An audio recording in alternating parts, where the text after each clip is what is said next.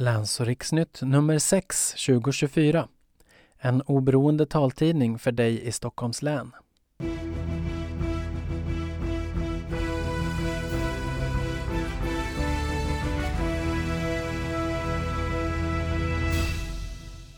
Hej och välkommen till Läns och riksnytt nummer 6. Henrik Jansson heter jag.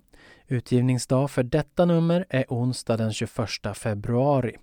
Och för dig som lyssnar på CD-skiva så tar det någon dag för den att komma via post. Snabbast hör du oss i appen och på webben. Och du kan också få tidningen till en digital Daisy-spelare. En glädjande nyhet nu också för dig som vill lyssna på oss i poddformat.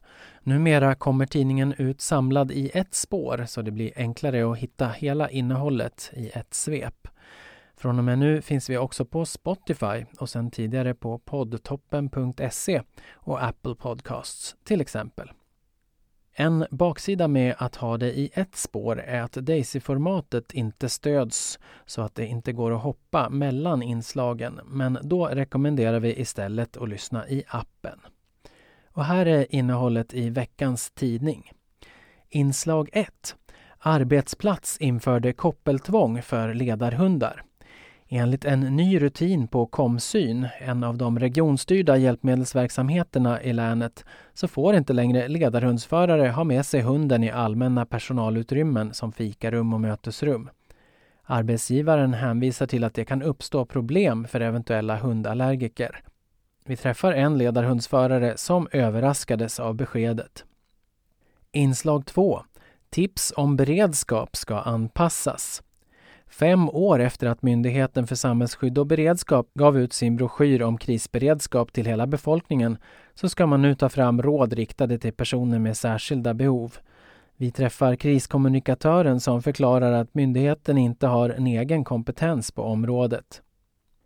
Inslag 3. Tillgänglig bio. Det finns flera appar som tillgängliggör syntolkning på bio. För att utveckla och underhålla dem ges det stöd av Svenska Filminstitutet, SFI. Men hur ser den här kedjan ut och vad har hänt med syntolkningsappen Movietalk? Det har vi tagit reda på. Inslag 4, Dövblind i skidspåret. Vi träffar Torbjörn Svensson som har dövblindhet och nu gett sig själv utmaningen att åka hela Vasaloppet på nio mil från Sälen till Mora. Han åker i öppet spår men för någon månad sedan hade han aldrig ens stått på ett par längdskidor. Inslag 5 Annonser och meddelanden. Och sist finns redaktionsrutan där vi berättar hur du kontaktar oss och hur du gör för att prenumerera. Och förresten, det kostar inget. Trevlig lyssning! Inslag 1 Joakim Numell, välkommen till oss i studion här på Läns och riksnytt. Du är hjälpmedelskonsulent på Komsyn. Det stämmer. Du är här av en eh, privat anledning, men det handlar om din arbetsplats. Och det har hänt någonting där som du vill eh, gå ut med helt enkelt. Ja, men precis. Det kom lite överraskande nya regler eller rutiner eller vad man ska kalla det för, för oss som har eh, ledarhund på vår arbetsplats. Vi har ju haft ledarhund på arbetsplatsen i ganska precis sju år nu i lite olika omgångar och just nu för tillfället så är jag utan hund. Jag har lämnat tillbaka min hund i, eh, i januari men väntar på ny hund. Men annars är vi två ledarhundsförare på arbetsplatsen. Och eh, har inte varit något bekymmer med, med det, men helt plötsligt så har det kommit nya direktiv då, kring ledarhundar. Vad är det för nya rutiner som har kommit? Ja, helt utan föregående indikationer så är den nya rutinen då att eh, vi som använder ledarhund, vi får använda hunden till och från arbetet och under arbetstid så ska hunden förvaras som det står skrivet och kopplad på våra respektive arbetsrum. Och vi får alltså inte längre använda våra hundar som orienteringshjälpmedel på våra arbetsplatser, inte under några allmänna ytor. Ja, det är ju helt nytt för oss helt enkelt och ganska konstigt. Eh, dels att man har bestämt att, att hunden är ett orienteringshjälpmedel som används till och från arbetet och inte behövs däremellan. Det är ju svårt för någon annan att avgöra, tänker jag. Visst, vi behöver inte våran hund kanske varje sekund och vart man än går i, i huset, men det måste ändå vara upp till mig som ja, som medarbetare eller som hundförare att bestämma när jag tycker att det känns eh, tryggast att ha hunden med mig. Vad har ledningen eh, berättat om varför det här kom just nu? Eh, innan den här rutinen kom så har vi inte hört eh, någonting överhuvudtaget, men i samband med att rutinen presenterades på ett offentligt arbetsplatsmöte så, så hänvisar man till eh, allergi på arbetsplatsen, att vi har medarbetare som är så pass dåliga att de inte kan slutföra sin arbetsdag eh, om de kliver in i ett rum där vi har varit med våra hundar. Och att det påverkar arbetsplatsens sjukfrånvaro, vilket ju låter ganska dramatiskt. Har du haft någon eh, dialog med den här, med din eh, kollega angående hens allergi? Ingen som helst dialog. Jag har inte blivit kontaktad och eh, inga som helst föregående diskussioner. Jag vet inte ens eh, vem det handlar om. Utan det, det säger man inte. Eh, det normala är ju att man så att säga pratar om det om det uppstår ett bekymmer, att man kommer överens. Att hitta lösningar hade inte varit det minsta bekymmersamt på det här mötet, var det någon dialog mellan eh, dig eller er och eh, arbetsgivaren om eventuella andra lösningar? Ingenting. Ingen dialog överhuvudtaget. Ställde du några frågor? Eh, jag blev faktiskt ganska tagen, dels för att det var så pass oväntat och så pass så att säga skarp förändring och sen också att eh, man väljer att ta upp det på ett arbetsplatsmöte där vi sitter hela personalgruppen och det blir ju liksom väldigt utpekande när, man, när, vi finns eh, två stycken synskadade ledarhundsförare på arbetsplatsen så är det ju direkt riktat mot oss så att säga. Så att jag blev ganska, ganska paff och inte alls eh, förberedd. Har ni eh, haft någon dialog sedan dess? Eh, nej, ingen har kontaktat mig eller den andra hundföraren vi har naturligtvis inte heller gjort det, men kan spontant tycka att det kanske inte riktigt är våran uppgift i det här läget. Man kan naturligtvis alltid ställa frågor och, och så, men det, ja, det, det hela är så konstigt att det liksom inte gjordes initialt och innan det här så att säga. Du har arbetat här i sju år alltså på Komsyn och haft, din, eh, haft ledarhund under den här tiden förutom just nu då, då du väntar på hund och det här har aldrig varit ett problem tidigare? Eh, nej. Det, det förekom en, en mild diskussion om en allergiker eh, eh på ett annat våningsplan före pandemin men det löste sig med att man eh, att vi valde att med, med hund inte boka de konferensrum som har heltäckningsmattor och sen dess eh, det, det, var liksom inget, inget problem eh, då. Eh, och sen dess ingenting. Är det någon nyanställd person som har börjat hos er? Inte på vår avdelning och inte på vår eh, våning. Bara så jag förstår, eh, jobbar du eller ni två på en avdelning där ni vistas den största delen av eh, er arbetsdag?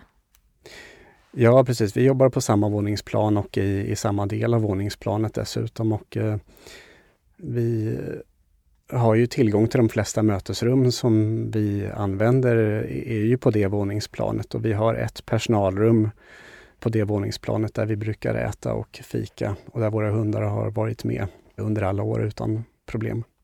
Hur kommer det här påverka dig i din eh, vardag på, på jobbet? Ja, alltså jag behöver ju inte ha med mig hunden varenda sekund jag rör mig på, på arbetet och när jag Eh, men, men däremot så, så är det ju så att när man går på, på långa möten så vill man inte lämna hunden kanske obevakad. Arbetsplatsen är ju inte heller alltid helt säker. Vi har till exempel det här året med början i augusti förra året haft hantverkare och vi kommer att ha hantverkare fram till hösten som utför ganska stora renoveringsarbeten och eh, som just nu och under ganska lång tid framåt så är ju miljön dessutom ganska osäker, då har man ju nytta av sin hund verkligen för att undvika att springa på saker och göra sig illa. Det finns ju andra delar av eh, husets våningsplan där, där inte jag är på alls lika lättorienterad. Och då vill jag definitivt ha min hund med mig för att kunna ta mig fram på ett säkert sätt och jag vill inte vara beroende av andra. Sen finns det ju ytterligare en aspekt också och det är ju säkerhetsaspekten. Vi har titt som tätt eh, brandlarm som går hos oss. Lyckligtvis eh, hittills och förhoppningsvis även i framtiden så är det falska larm. Då ska vi ut och när brandlarmet går så blir man, som jag som inte ser alls, blir helt desorienterad. Och då skulle hunden dessutom också vara en ganska trygg hjälp, förutom att jag naturligtvis inte vill lämna hunden på ett arbetsrum om det finns risk för eldsvåda. Så att, ja, det finns flera aspekter i det där och eh, summan av det är väl att jag vill själv bestämma när det passar och inte passar. I den här eh, skrivelsen då, som för övrigt är ganska kort, så står det också hunden bär vit sele när hunden är i arbete. Hunden ska ligga still och vara kopplad i medarbetarens arbetsrum under arbetsdagen ej vistas i andra lokaler för att förhindra eventuella problem hos medarbetare med hundallergi. Hunden kan rastas då medarbetaren har sina förmiddags som eftermiddagspauser förutom rast på 45 minuter. Och den, den här skrivelsen innehåller ju flera bekymmer, tänker jag. Dels att man hänvisar till eventuella problem med allergi. Det finns ju en överenskommelse mellan Synskadades riksförbund och Astma och Allergiförbundet som säger att man löser problem när och om de uppstår. Syftet med det är ju att ingen, ingen funktionshindergrupp ska ju ställas mot någon annan med hänvisning till att, att, att det kan komma en allergisk person. Motsatsen är ju ganska absurd att säga att du som är allergiker kan inte vara här för att det eventuellt kan komma ledarhundsförare. Den, så säger man ju aldrig och det borde vara lika orimligt att säga tvärtom. Och sen kanske det värsta i den här texten som känns ganska hafsigt och ihoparbetad är ju att man hänvisar till att hunden ska ligga kopplad på rummet, vilket ju faktiskt strider direkt mot djurskyddslagen. Det är inte tillåtet. Det är olagligt att ha hunden kopplad inomhus. Det här med att du har hunden på, i, eh, du tar med hunden på fikaraster eller i, eh, till matsalen.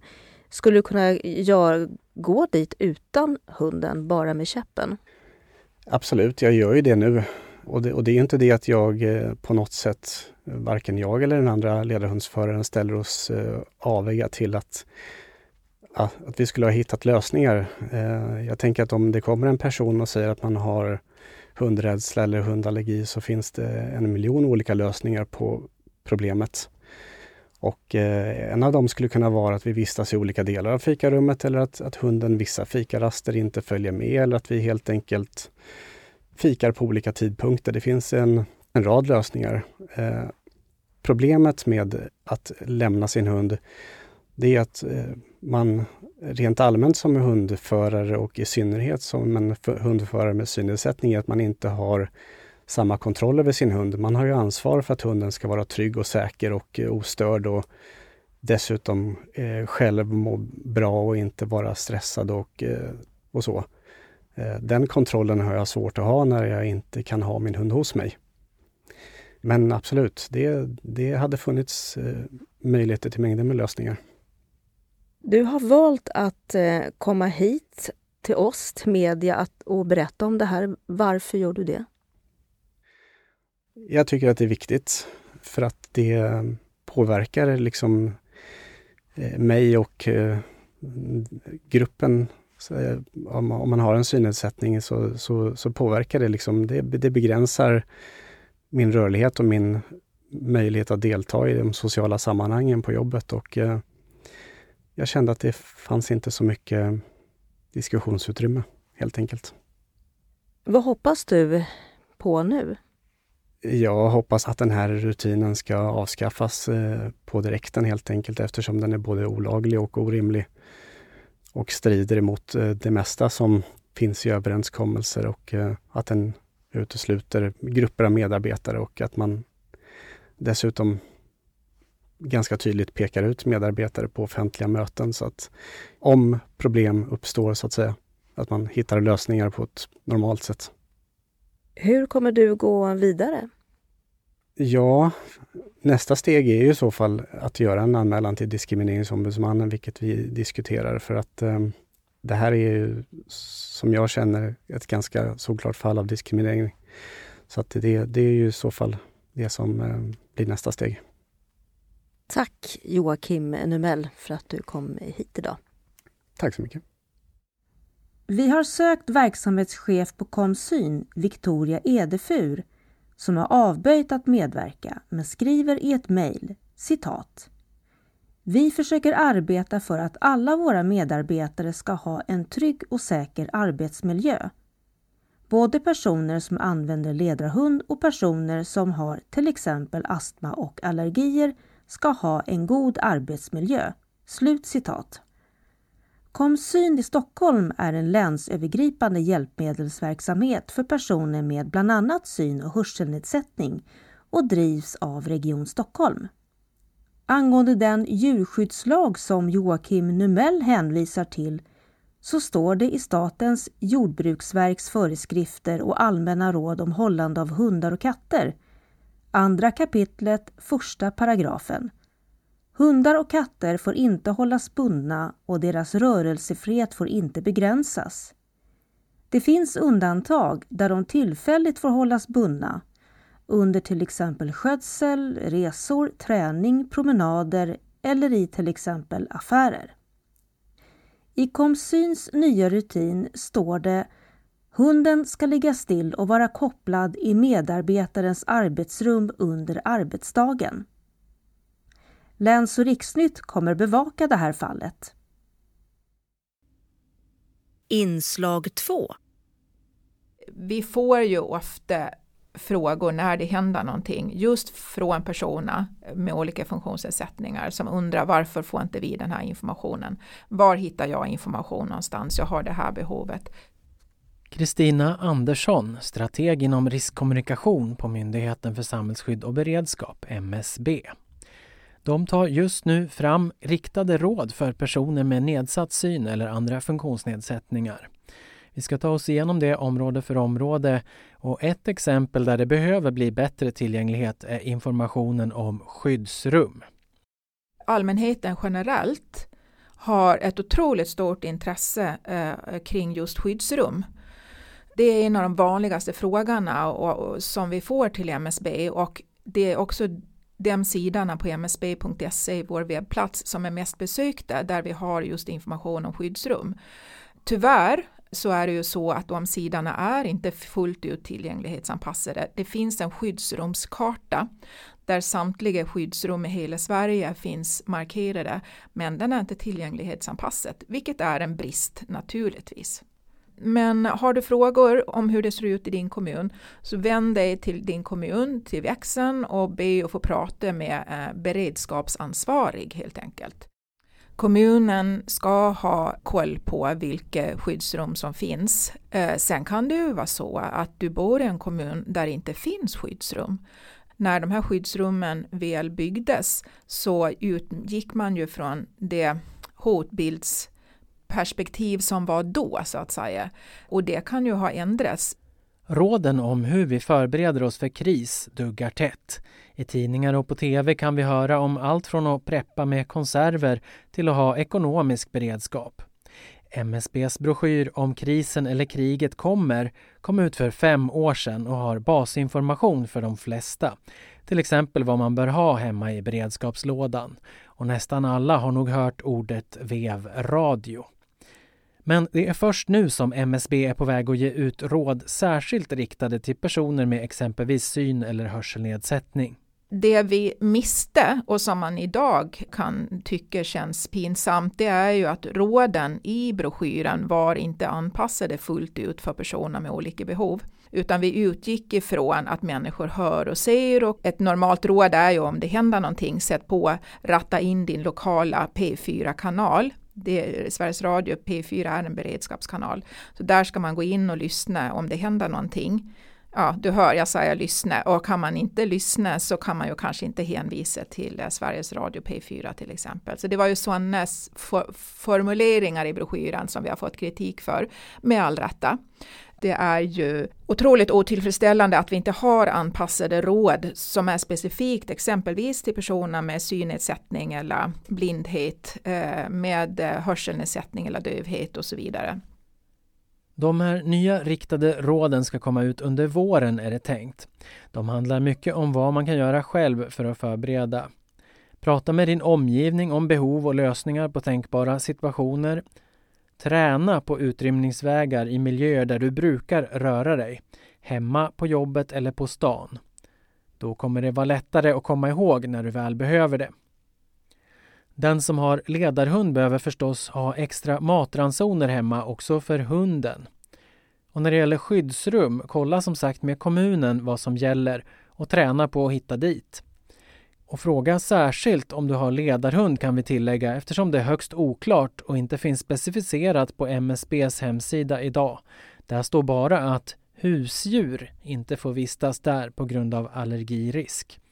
Här passar vi på med ett medskick att MSB kanske kan förtydliga och underlätta för ledarhundsekipage. Absolut. Jag trodde faktiskt att vi hade ett svar som handlade specifikt om ledarhundar men det ser inte ut att ligga uppe på vår webbplats i alla fall.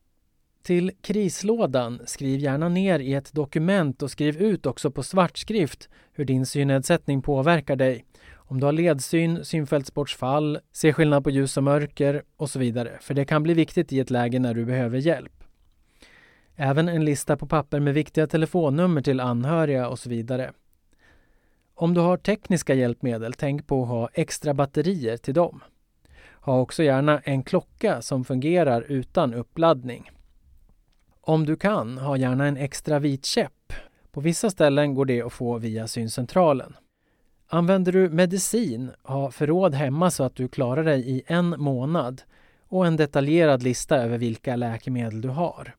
Man kan räkna med att om det är knepigt att få rätt information i förväg så är det tyvärr ännu svårare att få uppdaterad anpassad information under en pågående kris.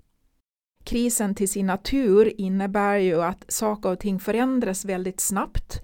Eh, när du väl har fått ut informationen i olika kanaler så kan den redan ha blivit för gammal. Och som sagt att jobba med tillgänglighetsanpassad information under en pågående händelse, eh, det är en utmaning som, där det finns brister idag verkligen hos, hos myndigheterna och sannolikt hos kommunerna på den lokala nivån.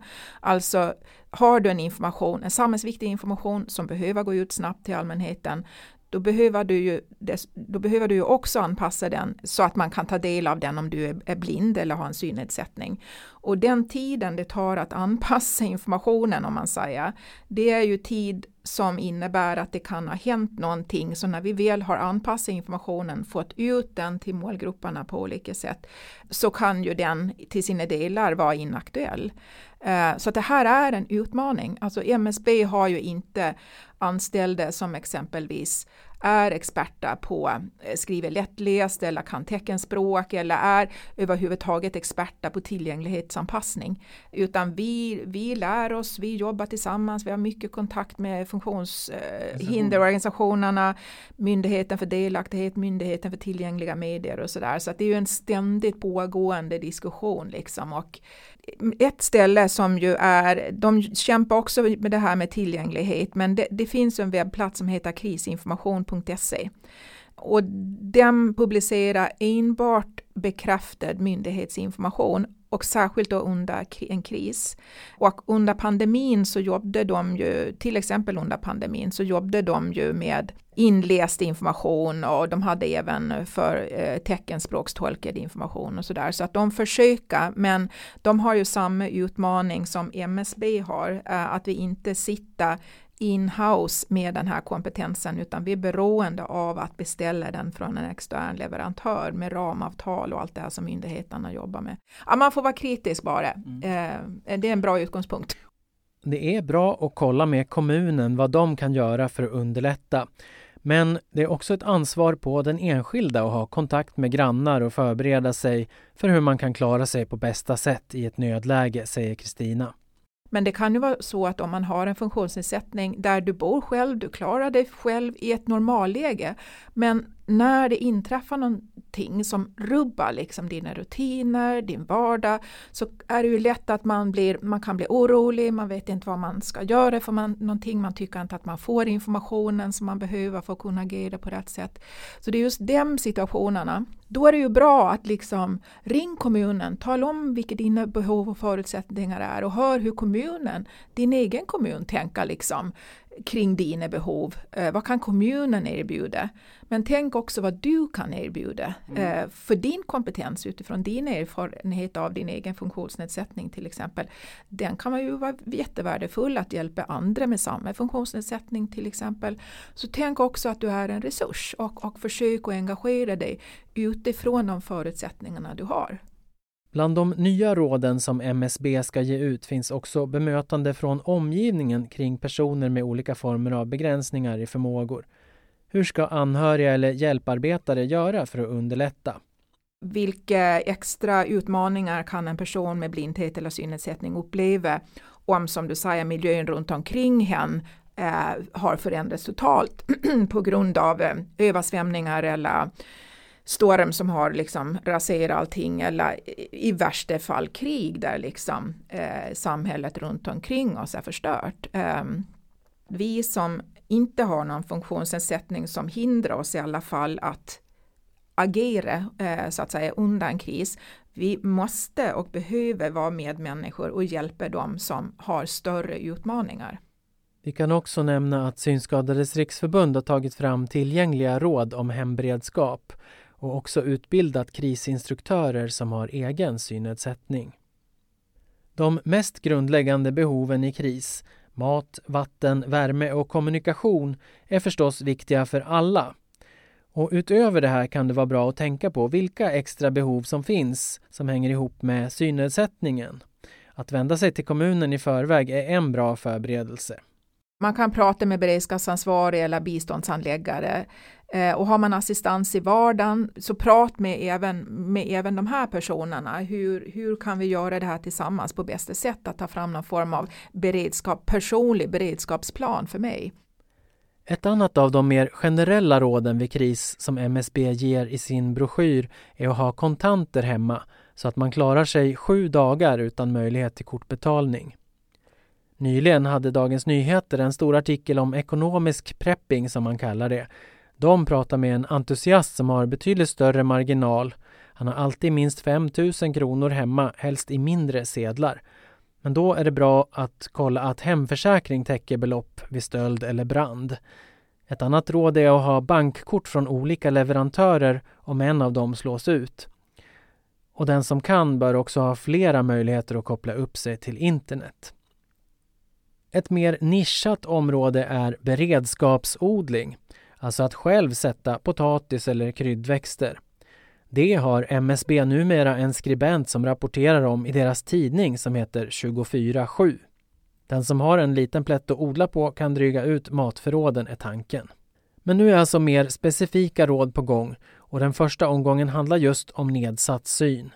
MSB vill gärna ha inspel från dem med egen synnedsättning och det är välkommet att höra av sig. När vi väl kommer att publicera våra eh, eh, anpassade råd då till personer med blindhet eller synnedsättning så publiceras, jag menar kommunicerar också naturligtvis att de når ut till målgruppen så är vi ju väldigt tacksamma för att få synpunkter. Det kan vara sånt vi har missat men det, i synnerhet kan det vara så att eh, både privatpersoner men organisationer har egna idéer och råd för hur man kan förbereda sig och hur man bör agera om någonting händer. Så den typen av återkoppling är vi ju bara väldigt eh, tacksamma för så att vi kan uppdatera de, de här råden och utveckla dem allt eftersom. Ja, det här säger Kristina Andersson, riskkommunikationsstrateg på MSB. Webbsidan som nämndes var krisinformation.se och MSBs tidning den heter 24-7, 24 med bokstäver och siffran 7. Inslag 3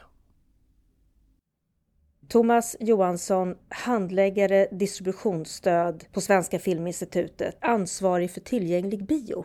Ansvarig för även för tillgänglighetsstöd där tillgänglig bio kan man säga är en del.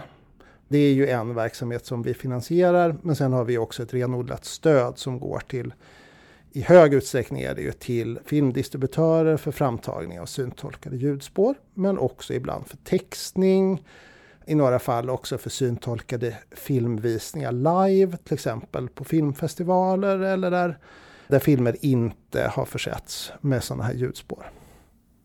Svenska Filminstitutet har uppdrag från staten att stärka svensk film, från idé till färdig film. De ska också bevara och tillgängliggöra det svenska filmarvet för eftervärlden. De är statsfinansierade och i deras uppdrag ligger också att svensk film ska vara tillgänglig för personer med olika funktionsnedsättningar som till exempel synnedsättning. Det är också ett krav att de filmer som får produktionsstöd ska förses med svensk text. Vi har en, en pott med pengar som är öronmärkta för tillgänglighetsarbete. Hur mycket medel får ni för det här årligen? I dagsläget har vi en, en budget när det gäller just alltså stödgivningen som ligger på ungefär 1,2 miljoner. Så det betyder att eh, för de här pengarna så kan en, eh, ett bolag som gör en film söka pengar för att eh, göra ett syntolkningsspår. Pengarna ska även räcka till om det finns en app, att eh, upprätthålla den, uppdatera den och hela tekniken eh, kring det. Det är precis korrekt. Låt säga vi kan ta ett exempel, ett sista race eller Hammarskjöld, alltså filmer som gick upp i, i julhelgen. Det här är filmer som har försetts med, med syntolkade ljudspår eh, med stöd från oss. Och då är det alltså det, det är de filmbolagen som har rättigheterna till de här som har sökt pengarna eh, hos oss och sen ombesörjt då att, att, att de här ljudspåren har tagits fram. Det är ju inte tvingande i Sverige att syntolka sina filmer. Vad tänker du om det? Ja, alltså det är ju det systemet som vi har.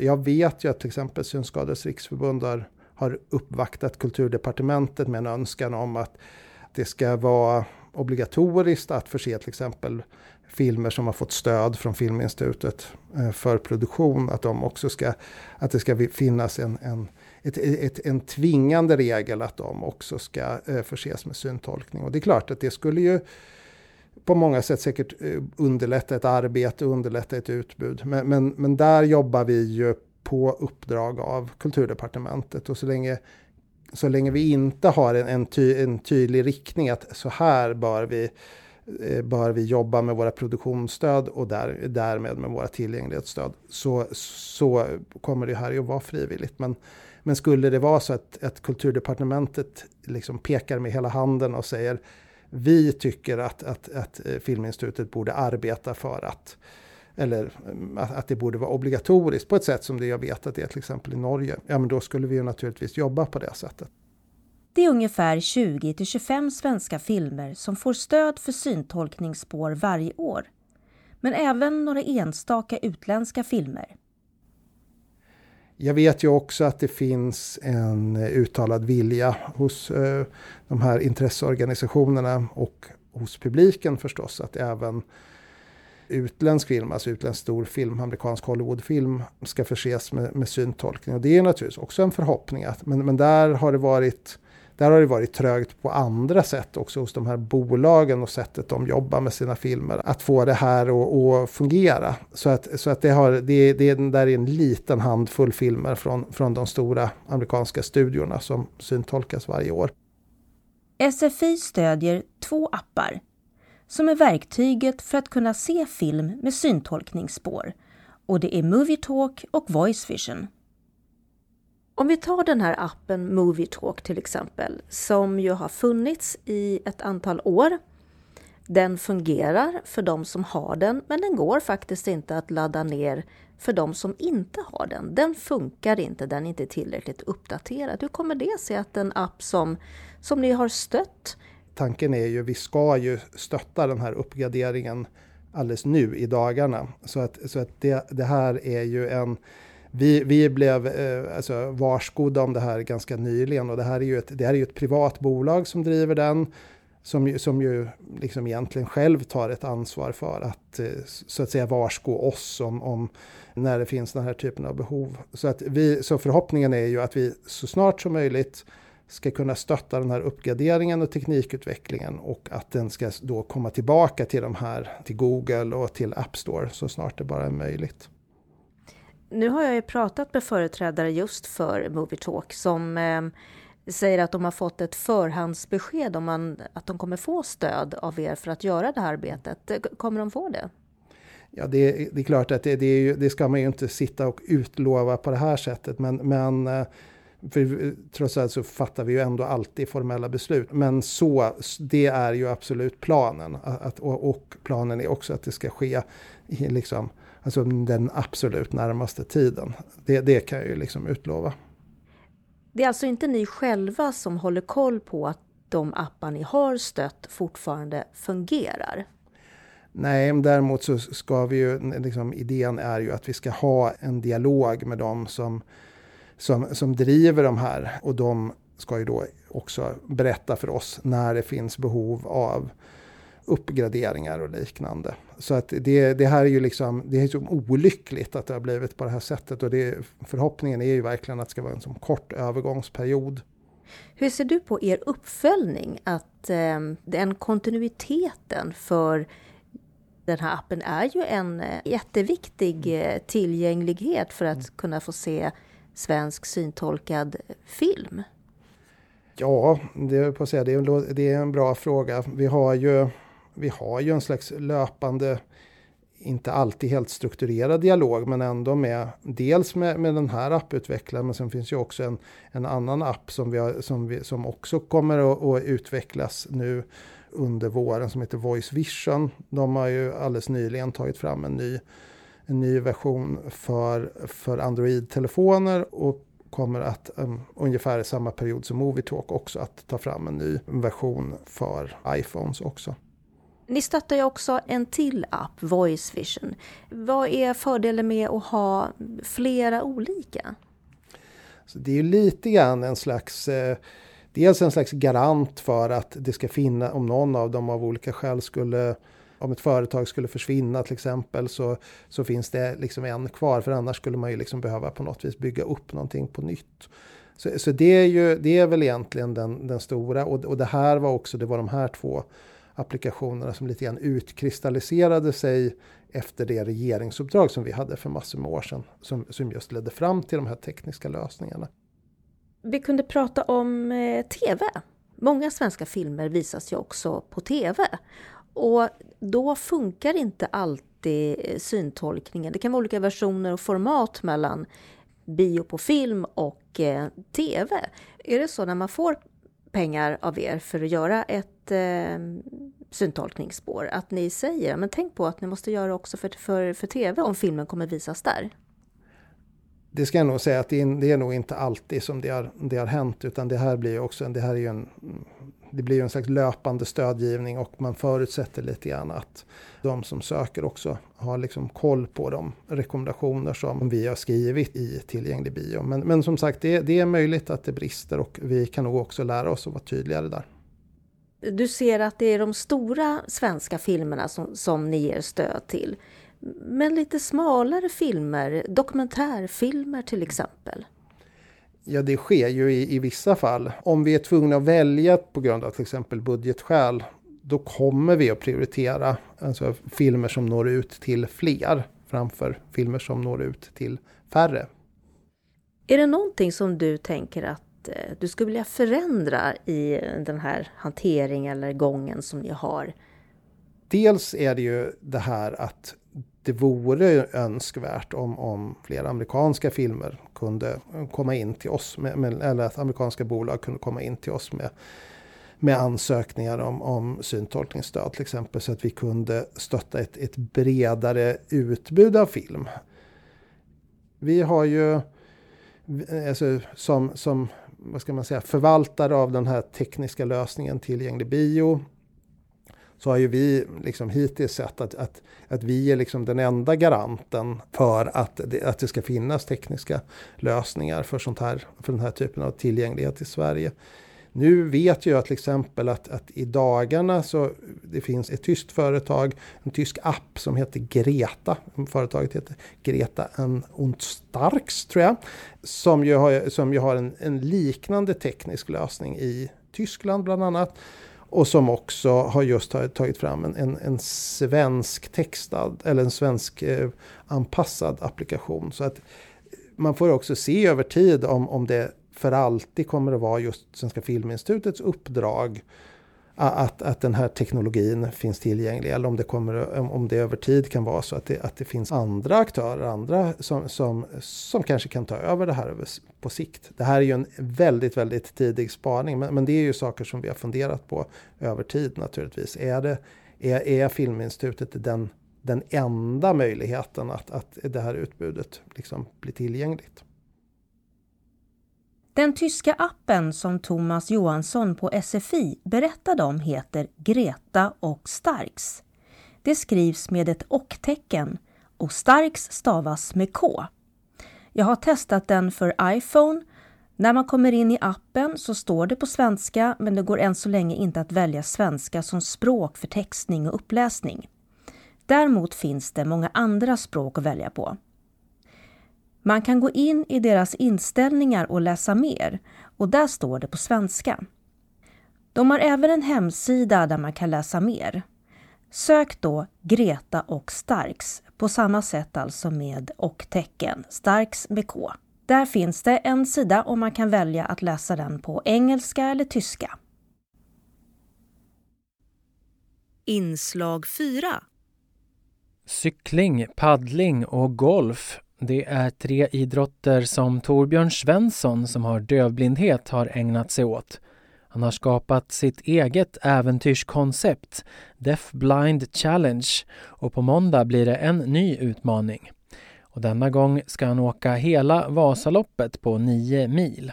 Han åker i öppet spår och ger sig på loppet trots att han för någon månad sedan aldrig hade stått på ett par längdskidor.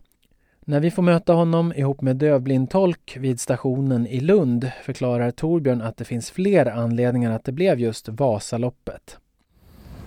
Det är nog flera orsaker. Dels så har jag ju lite idéer som ligger i byrålådan, i min mentala byrålåda. Och nu tyckte jag att det låg lite rätt i tiden att ta sig an en utmaning som inte innebar att jag är borta tre veckor. Utan jag har ju fortsatt med golfen till exempel. Och då har jag inte möjligheten att, att vara iväg kanske tre veckor och allt vad det innebär både kostnader men också i, i energibiten för min del. Så då tyckte jag att, att en dags äventyr då som Vasaloppet blev ändå eh, kände jag passade bättre i tiden. Så, så då tänkte jag att då kör vi. Men har du åkt skidor innan? Längdskidor?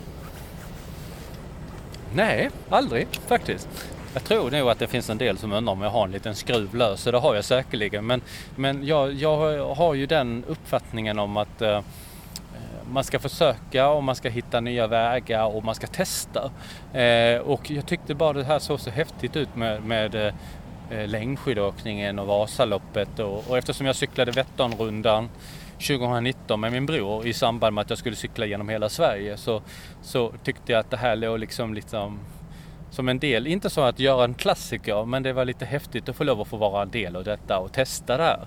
Så jag ställde mig för första gången på ett par längdskidor nu här i december uppe i Dalarna och, och, och trillade till höger och vänster och allting, men, men hade väldigt, väldigt roligt och till slut så kände jag att det här, men det här kanske kan gå faktiskt. Men hur är det att åka skidor eh, med tanke på att du inte ser och inte hör? Det är kul. Eh, det är en jätteutmaning med balansen. Är det. det är nog det jobbigaste i det hela. Men sen så är, följer man ändå två spår som skidorna är i. Och det var nog det som gjorde att jag tänkte att det här kanske skulle kunna gå att lösa. Så att eh, just den här biten med att kunna följa de här spåren, åka i de här eh, och sen samtidigt försöka hitta tekniken. För det är jag ju rätt så duktig på att förstå hur min kropp ska jobba.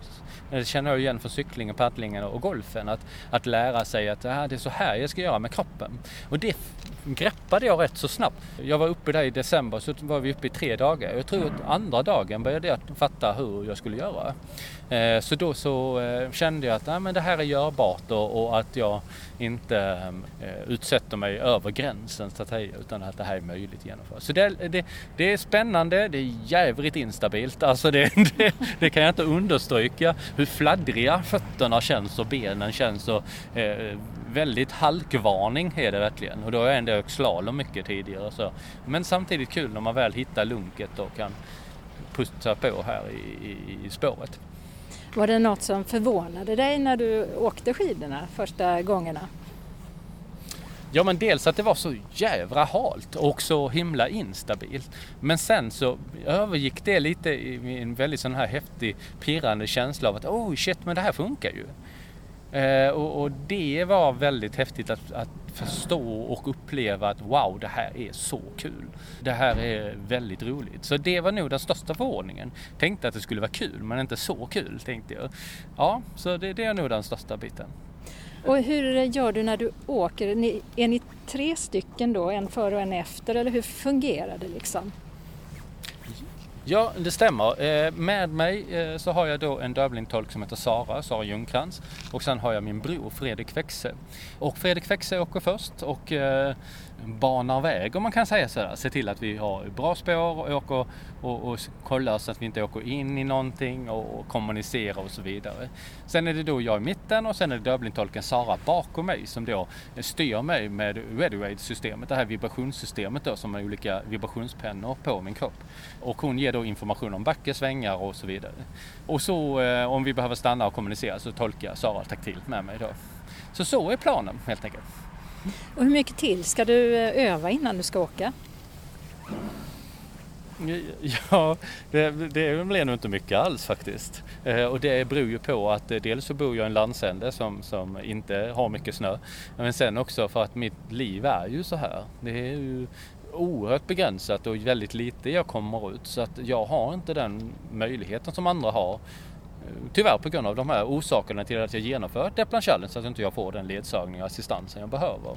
Så det är ju väldigt litet. Jag tror nog tyvärr att det bara blir de här två gångerna som jag varit uppe i Dalarna nu. En gång här i december och en gång i januari. Som blir liksom mitt skidåkande innan. Jag läste någonstans att det skulle vara många mil, kanske 100 mil i spåret innan man skulle ge sig på Vasaloppet. Men jag tror om jag ska vara glad kommer jag nog upp i fem mil kanske. Men jag har ju ett, ett, ett pannben ben och, och, jag tycker att det här är väldigt roligt och jag tycker det här är väldigt givande. Och sen vet jag också att jag har lärt känna min kropp mycket. Och jag tränar ju på annat sätt istället, så mycket gym och kondition på gym istället och, och en stakmaskin som finns på gymmet också. Och sen gör du ju inte det bara för att eh, du ska åka skidor utan du har ju ett väldigt syfte med det också. Ja, men huvudsyftet är just att belysa om dövblindhet, att belysa om att den här gruppen finns. Eh, och sen också att den här gruppen, och speciellt då utgår från min situation, inte får den hjälpen och stödet som, som behövs. Eh, jag har det otroligt kärvt. 2023 var fruktansvärt dåligt år. Jag blev av eh, bland annat med jättemånga timmar med tiden som jag hjälpte när jag då umgås med mina barn. Ifrån 56 timmar i månaden till 20 timmar i månaden istället. Och eh, jättemycket svårigheter och, och massa problem med både tolkservice och så vidare. Så att eh, det, livet är otroligt tufft på den biten och därför är det så viktigt att fortsätta belysa, fortsätta göra sådana här saker och ting för att skapa kunskap om de här bitarna och kanske få folk att förstå att det är viktigt att alla har det lika bra. Nu har du ju gjort flera utmaningar innan. Det har handlat om golf och, och cykling och paddling. Eh, har du fått eh, respons på dem där du känner att ja, men det var ju det här jag ville ha? Ja, alltså jag är nog aldrig nöjd tror jag. För därför att jag vill ju såklart att det här ska lösa sig både för mig och mina medmänniskor, att vi ska få rätt hjälp och stöd. Så den biten har väl inte blivit så. Men däremot så har vi väldigt många människor fått veta om att dövblindhet finns. Eh, och förstått också att det, det, finns liksom eh, en grupp människor i det här samhället som behöver bra stöd. Eh, och sen också belysa att vi är människor. Så på den biten tycker jag att vi ändå nått. Det är ju väldigt många människor som har sett de olika tv-serierna och, och äventyren och mediala bevakningen och så. Så på den biten tycker jag är bra. Det, jag möter en del människor idag som ändå säger men jag vet vad det där är, dövblindhet. Det är inte du Ann som cyklade genom landet och sådär. Så det är ändå en fördel i detta att kunskapsbiten breddas och att vi kanske kan ha det här i ryggen sen när vi kämpar för våra rättigheter. Och sen ska du åka öppet spår. När vi skulle anmäla det här så var det redan fullt i, i Vasaloppet den 3 mars. var det redan fullbokat.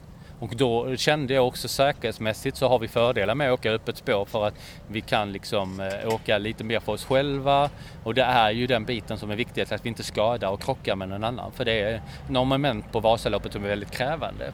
Det är den 26 februari som vi åker och det kommer eh, kunna finnas sen eh, att man kan följa via sådana här spårningstjänster. Det finns ju en grupp på Facebook som heter Deplan Challenge Vasaloppet där man då kan följa oss under äventyret. Så kilar man in där kan man nu ta och se om det här går rulla på bra eller bra glid som det heter. Med mycket blåbärssoppa. Mycket blåbärssoppa. Jag tänker att eh, jag kommer nog att vara rätt trött på det efter äventyret. Men så var det när vi cyklade Vätternrundan också och det. Då käkade vi en jäkla massa saltgurka, eh, banan och eh, kaffe. Det, det, man är rätt trött, trött på det i slutändan faktiskt. Det sa Torbjörn Svensson som alltså på måndag ger sig på den nio mil långa skidfärden från Sälen till Mora. Reporter Åsa Kjellman Erisi på Skånes taltidning. Inslag 5 Annonser och meddelanden. Bli representant på årsmötet SRF Stockholm Gotland. Iris Hjälpmedel informerar. Konsert i Immanuelskyrkan. Kurs i pappershantverk. Lär dig använda din Android-mobil, SRF Stockholm stad. Medlemsträff i Kallhäll, SRF Järfälla Upplandsbro. Medlemsträff i Tullinge, SRF Botkyrka Salem. Medlemsträff SRF i Nacka om digitala tips.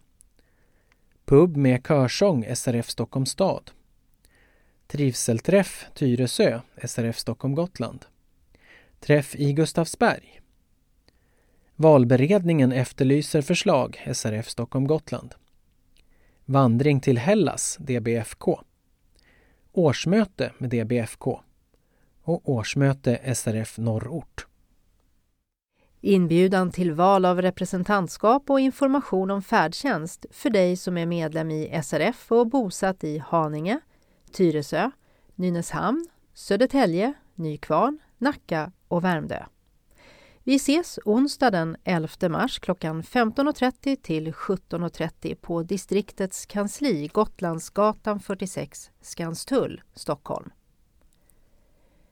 SRF Stockholm Gotland, det vi kallar för distriktet, har årsmöte den 27 april och som medlem har du rätt att vara representerad.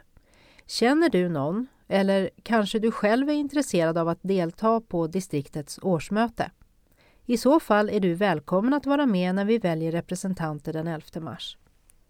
Kristoffer Örnevik som arbetar med färdtjänstfrågor på distriktet berättar också och svarar på frågor om färdtjänsten och vilka regler som gäller. Vi bjuder på kaffe, te och smörgåstårta.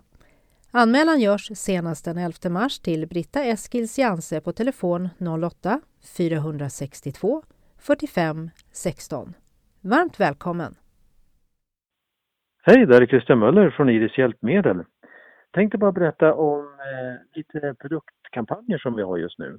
Och eh, först ut har vi en talande blodtrycksmätare som talar svenska och den har ett pris på 1175 kronor inklusive moms.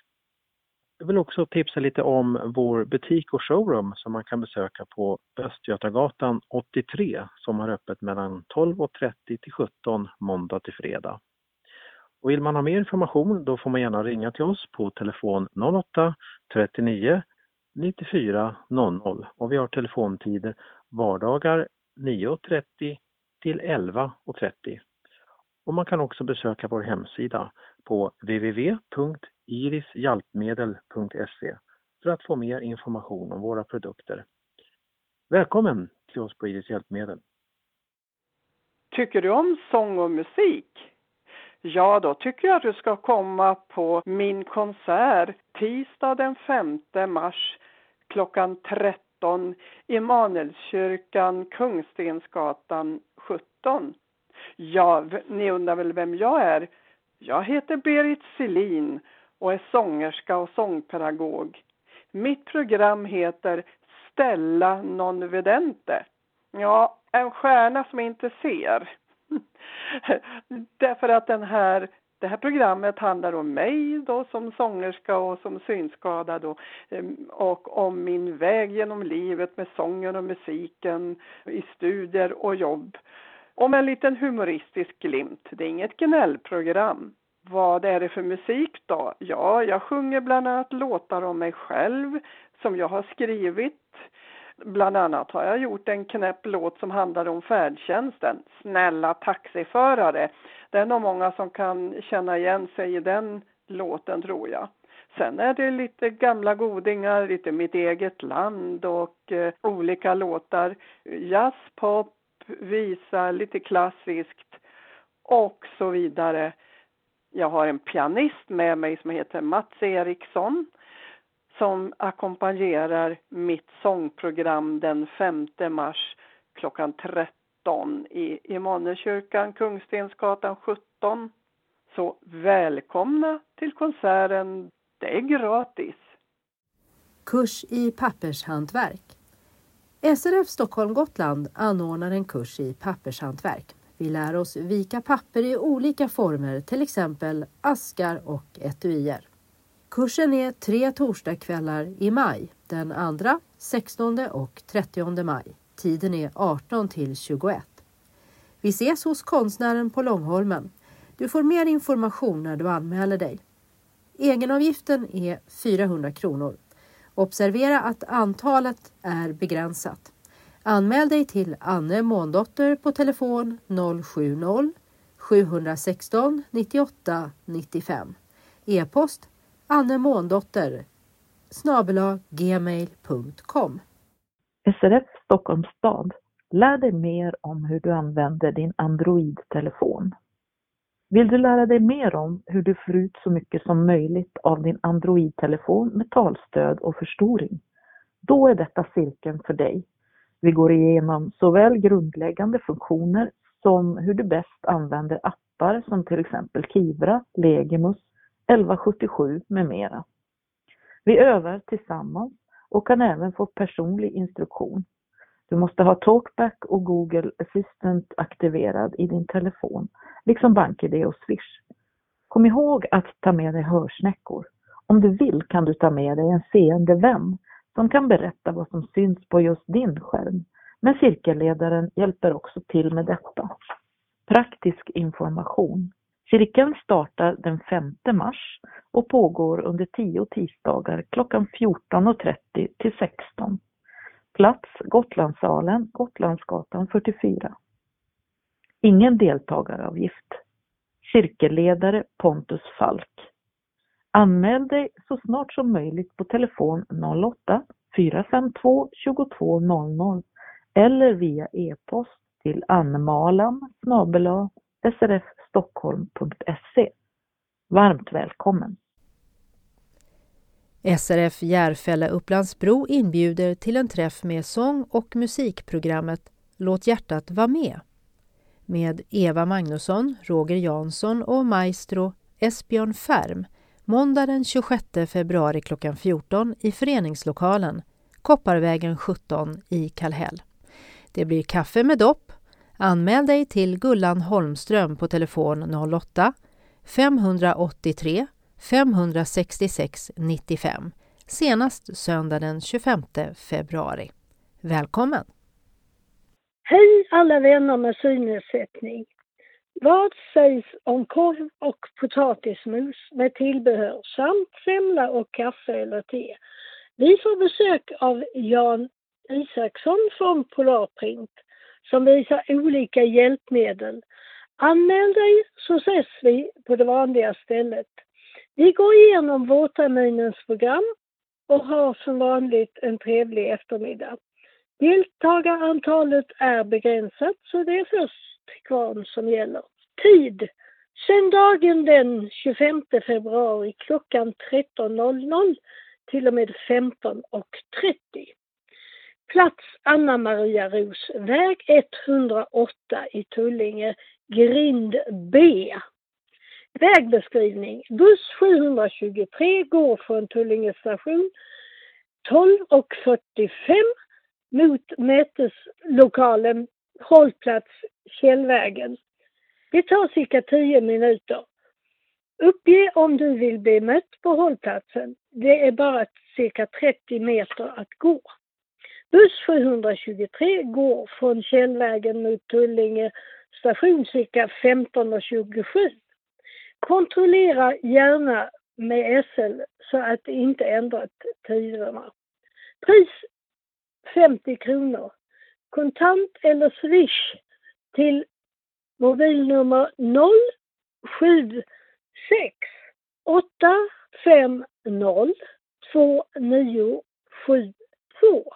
Text medlemsträff. Anmälan senast onsdagen den 21 februari till SRF Botkyrka Salems telefonsvarare på mobil 070-6562934 eller sms till samma nummer. Du kan även anmäla dig till Urban Eriksson på mobilnummer 076 850 2972 eller mejla en anmälan till anneli.amrv62 gmail.com. Eh, anneli stavas utan e på slutet och AMRV är initialerna till Anna Maria Rosväg. Tala om hur många som kommer och ett telefonnummer. Vi kan nå dig på samt om du eller någon du anmäler behöver specialkost. Ledsagare, vi hjälps åt eftersom några av oss har tillräcklig synskärpa. Varmt välkomna aktivitetskommittén SRF Botkyrka Salen. Så har vi en träff i Nacka med temat digital teknik, en bra hjälp för synskadade. Träffen är den 29 februari och det är Magnus Lindmark och Urban Eriksson som svarar på dina frågor och ger tips och råd. På träffen kommer vi även att välja representanter till årsmötet som SRF Stockholm Gotland har den 27 april. Kan du inte komma på träffen den 29 men gärna vill vara med på årsmötet i april Hör av dig till Britta Eskils Janse på 08 462 45 16 före träffen den 29 februari. Vi ses klockan 14 till 15.30 på Träffpunkt Smedjan, Nya gatan 12 vid Nacka Forum. Anmäl dig till Frida Ambros som är Nacka kommuns syn och hörselinstruktör på telefonnummer 070-431 84 83 eller e-post frida.ambros nacka.se. Anmäl dig senast den 27 februari. Välkommen! SRF Stockholms stad. Pub med körsång. Fredagen den 8 mars är det dags för ännu en pub. En pub med körsång framförd av Serifen. Tid och plats klockan 17 till 22 i Gotlandssalen, Gotlandsgatan 44. Till försäljning finns snacks och pajer samt öl, vin och alkoholfria drycker. Du kan betala med kort eller kontanter. Ingen anmälan krävs. För mer information kontakta Birgitta Lindén på telefon 070 276 38 18 eller e-post birgitta linden telia.com. Varmt välkommen! SRF Stockholm Gotland bjuder in till trivselträff i Tyresö. Vi träffas, fikar och har trevligt. Fredagen den 23 februari klockan 14 till 16. Adress är Pingstkyrkans second hand-butik på Bollmora Gårdsväg 6, Tyresö.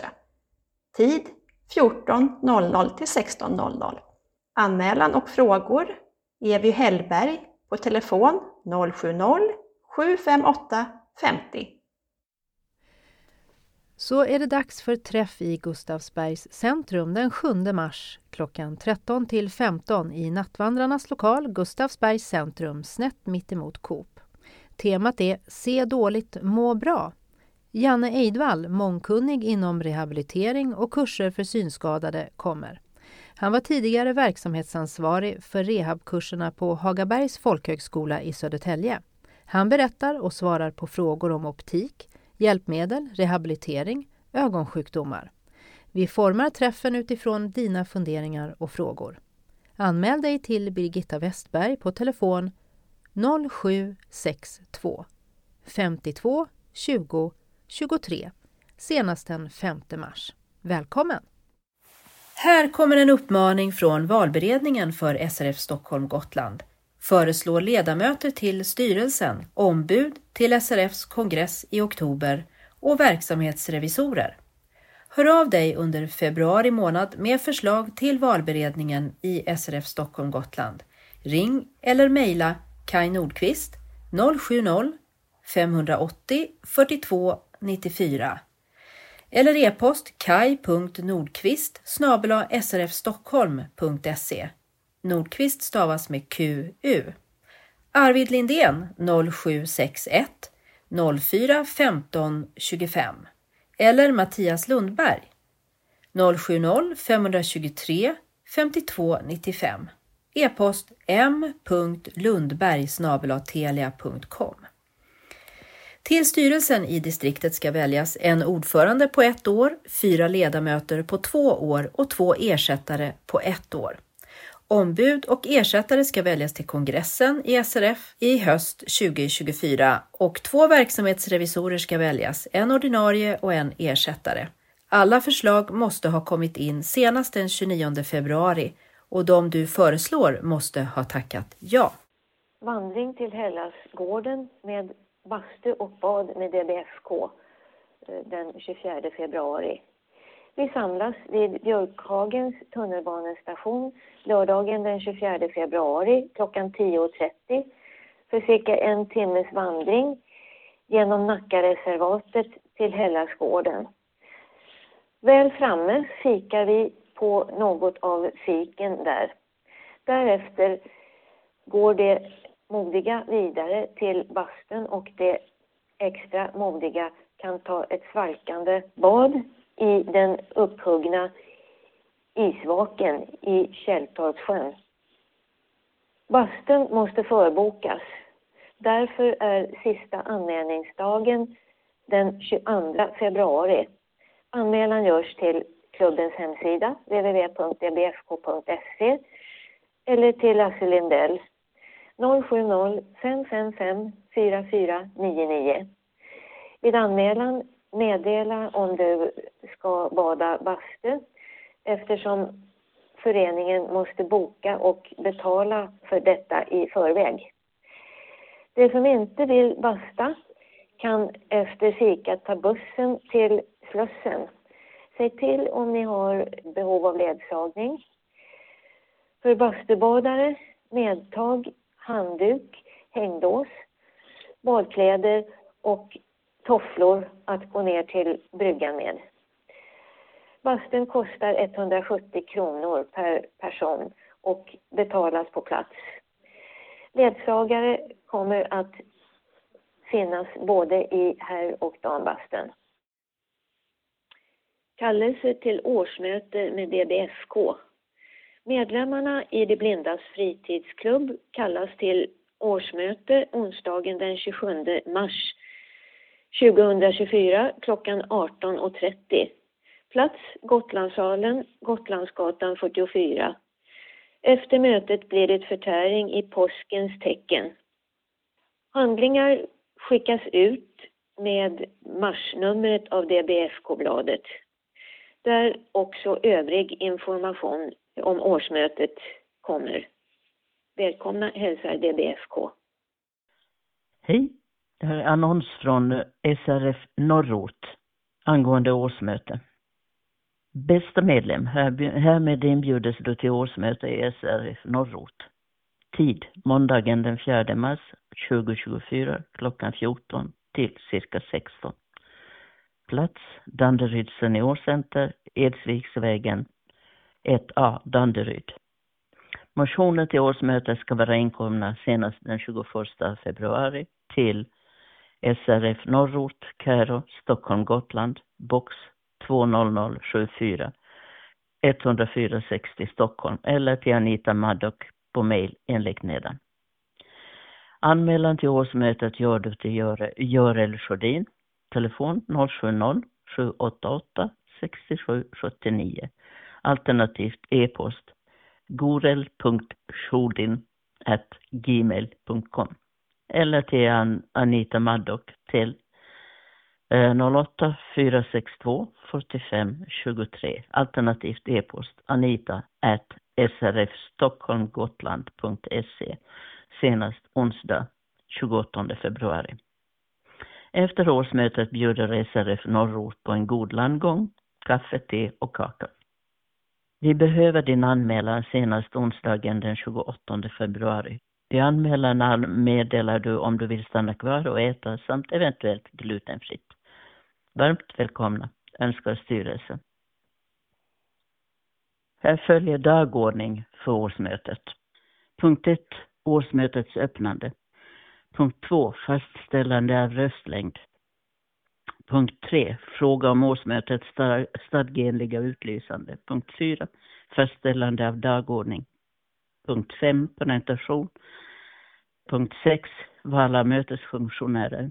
A. Mötesordförande. B. Mötessekreterare. C. Rösträknare, två stycken. D. Protokolljusterare. Att jämte eh, mötesordförande justera årsmötesprotokollet. Punkt 7. Verksamhetsberättelse för det gångna verksamhetsåret. Punkt 8. Årsredovisning för det gångna verksamhetsåret.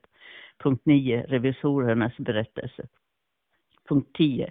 Godkännande av verksamhetsberättelse samt fastställande av resultaträkning och balansräkning. Punkt 11. Beslut om ansvarsfrihet och styrelseledamöterna. Punkt 12. Fastställande av eventuella arvoden till styrelserevisorer, valberedning och övriga funktionärer. Punkt 13. Val av styrelse. A. Val av ordförande på ett år. B. Val av styrelseledamöter för en tid av två år. I tur att avgå är Marita Söderholm, Ingrid Moström och Görel Sjödin. Nominering av en ordinarie och en ersättare på ett år till funktionshinderråden i A. Danderyd, B. Täby, C. Vallentuna. Punkt 5. Val av två revisorer jämte en ersättare för en tid av ett år.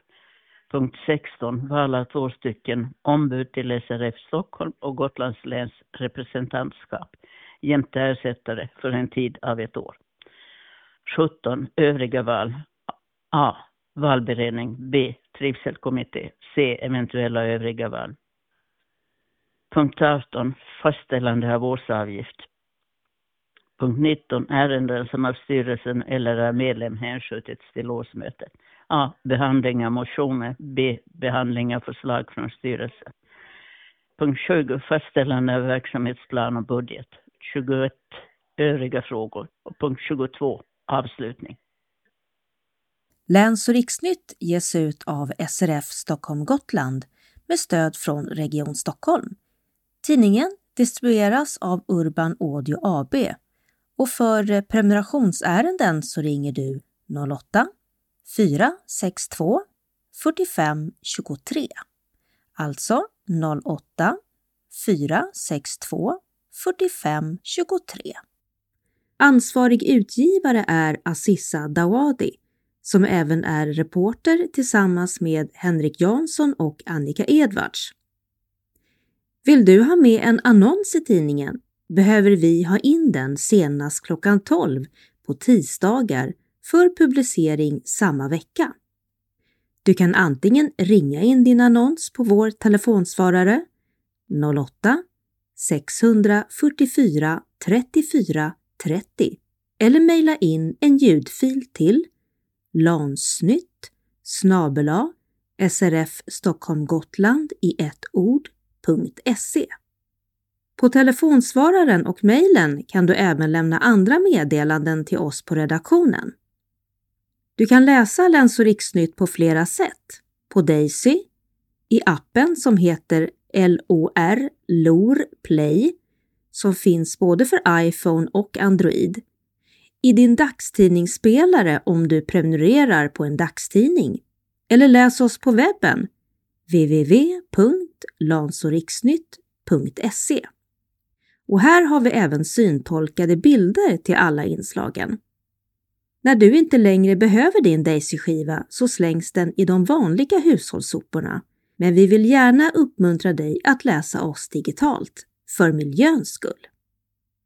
Information om taltidningar och viss supporthjälp finns hos Polarprint på telefonnummer 020 826913. Tack för att du läser Läns och riksnytt